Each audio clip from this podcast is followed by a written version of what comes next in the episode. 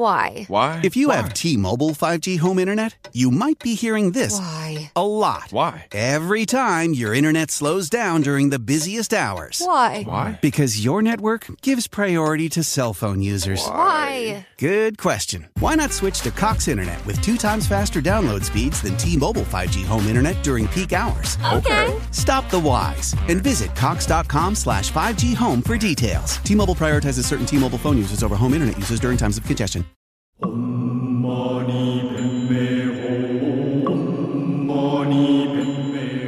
Rüzgarlı bir Alaçatı gününden merhaba. Bugün yolculuğumuz Myanmar'a. Şimdiye kadar gördüğüm 100 ülke arasında en çok etkilendiklerimden birisi Myanmar. 2008 yılında Myanmar'a gittiğimde beni çevreleyen binlerce pagoda, stupa, tapınak şaşırtıcı deneyimler sundu bana.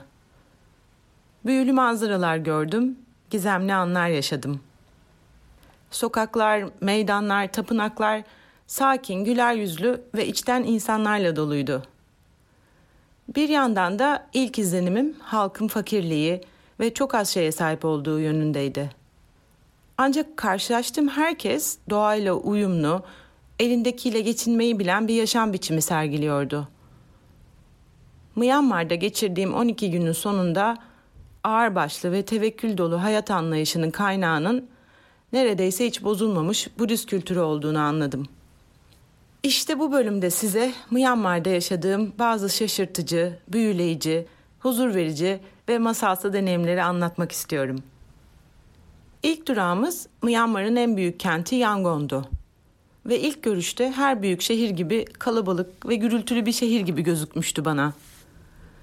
Ancak Altın Tapınak'ta geçirdiğim 7 saat alıştığım hayattan çok farklı bir yaşam biçimini deneyimletti bana. Biz günlük hayatımızı yaşarken yemek yemek için bir restorana, piknik yapmak için bir parka, alışveriş için alışveriş merkezine, iyileşmek için ise hastaneye gideriz. Dua etmek için ise bir türbeye gideriz değil mi? Oysa Myanmar halkı bunların hepsini tek bir yerde yapıyordu. Dünyanın en muhteşem anıtlarından birisi olan Şivedegon Pagoda'da yani Altın Tapınak'ta.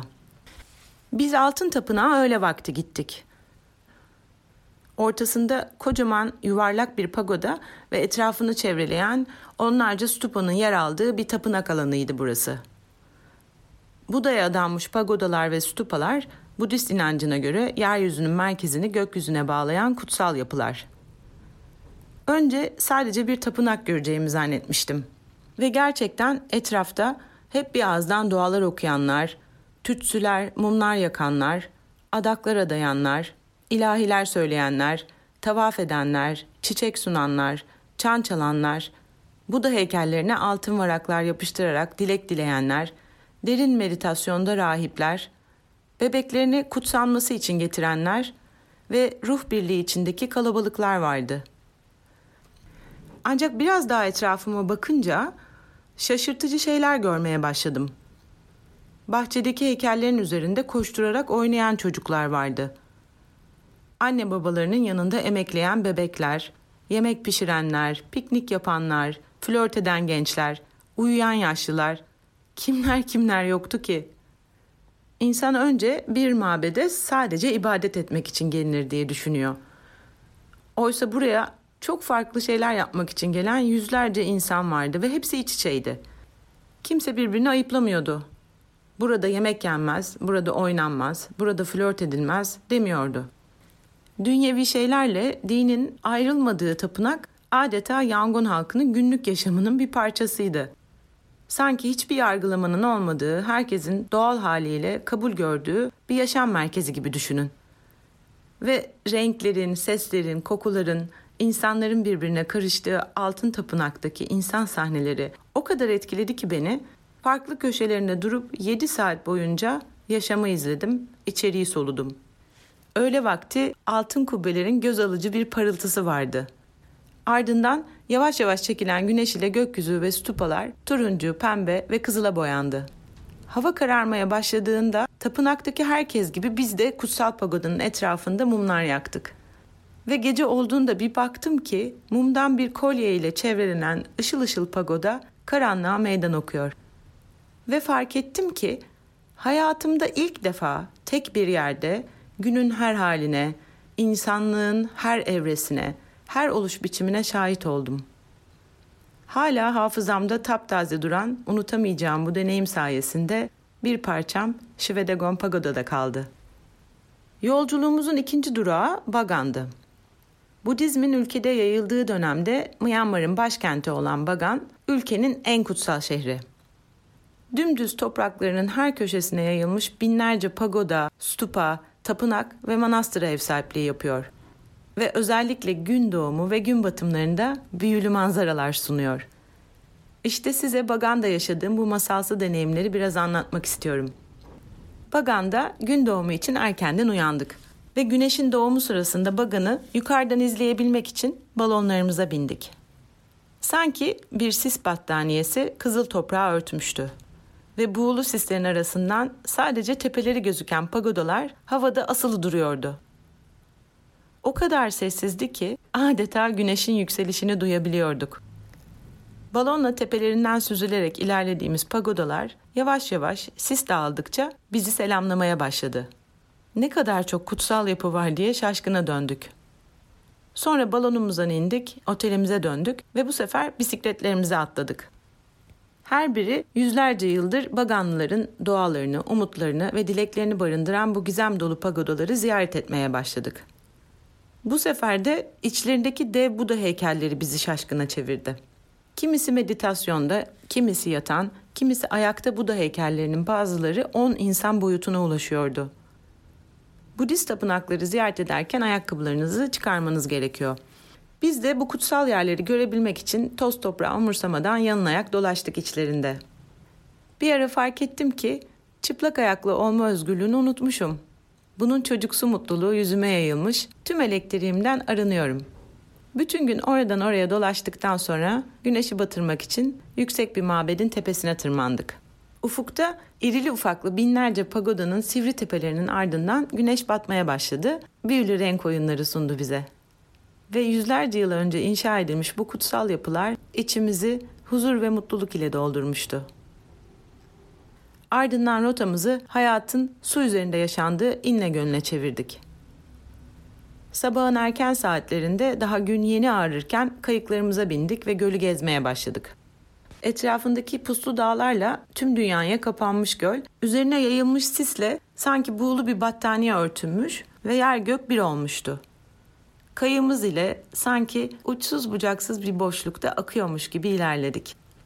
Ara ara karşımıza su üzerinde bambu köy evleri çıkıyordu. Yüzüme çarpan serin ve taptaze havada Yasemin çiçeklerinin tatlı kokuları burnuma çalınıyordu. Gölün üzerine yayılmış pembe nilüferler etraftan fışkıran yemyeşil doğaya göz kırpıyordu. Güneş yüzünü göstermeye başladıkça gölün çevresindeki pagodaların altın kubbeleri ışıl ışıl parlamaya başladı. Pamuk pamuk bulutların yansımaları berrak gölün üzerinde inanılmaz bir derinlik yaratıyordu. Ve güneşin ilk ışıkları ile kağıt gibi dümdüz suyun üzerine yaşamın nasıl halka halka yayıldığına şahit olduk. İlk karşımıza çıkan kayıkları ile yetiştirdikleri meyve sebzeleri yüzen pazara götüren kadınlardı. Sonra kanoların içinde kürek çekerek okula giden çocukların neşeli çığlıklarını duyduk. Yüzlerinde kocaman gülümsemeler vardı çocukların.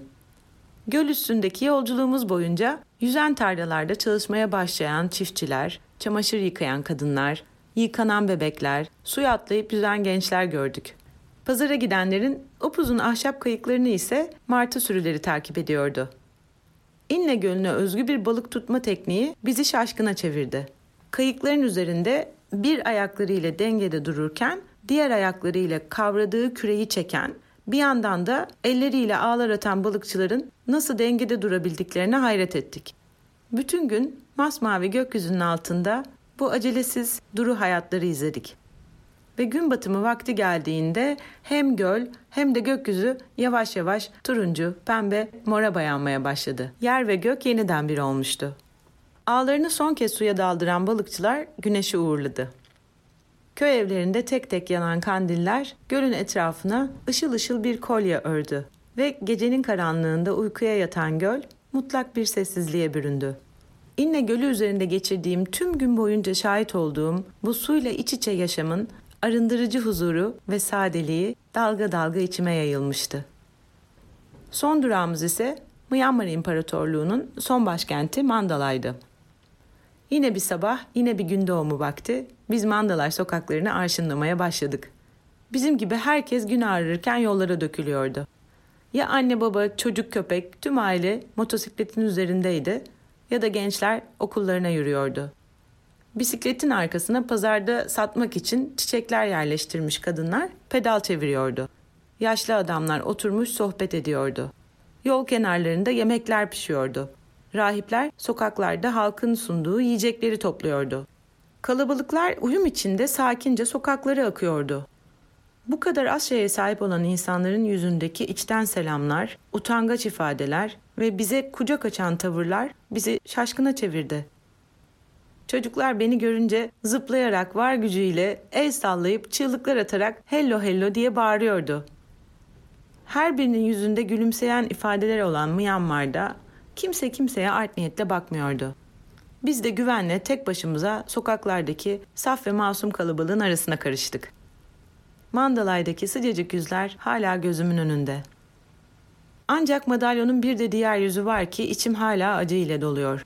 Junta yönetimindeki Myanmar halkı öyle izole ki insanla, dünya ile bağlantı kurmaya hasret.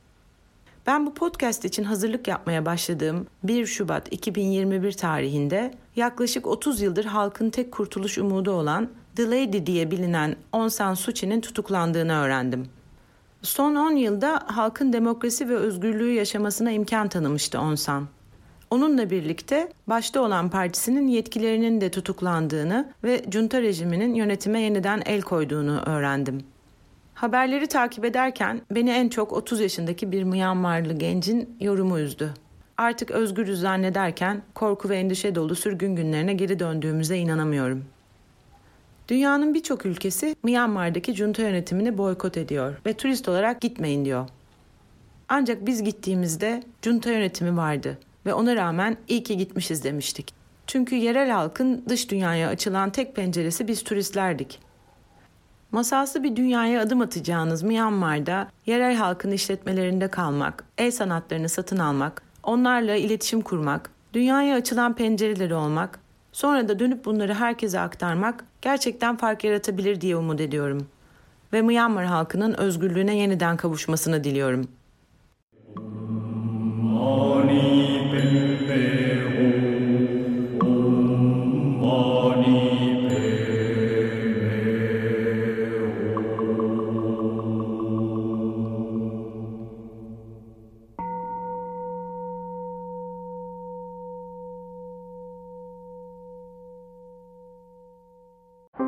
How powerful is Cox Internet? So powerful that one day your daughter will be able to simulate a soccer match against some of the world's best players right from your backyard. Get gig speeds powered by fiber from Cox. It's internet built for tomorrow, today. Internet delivered through Cox's hybrid fiber coax network. Speeds vary and are not guaranteed. Cox terms and other restrictions apply.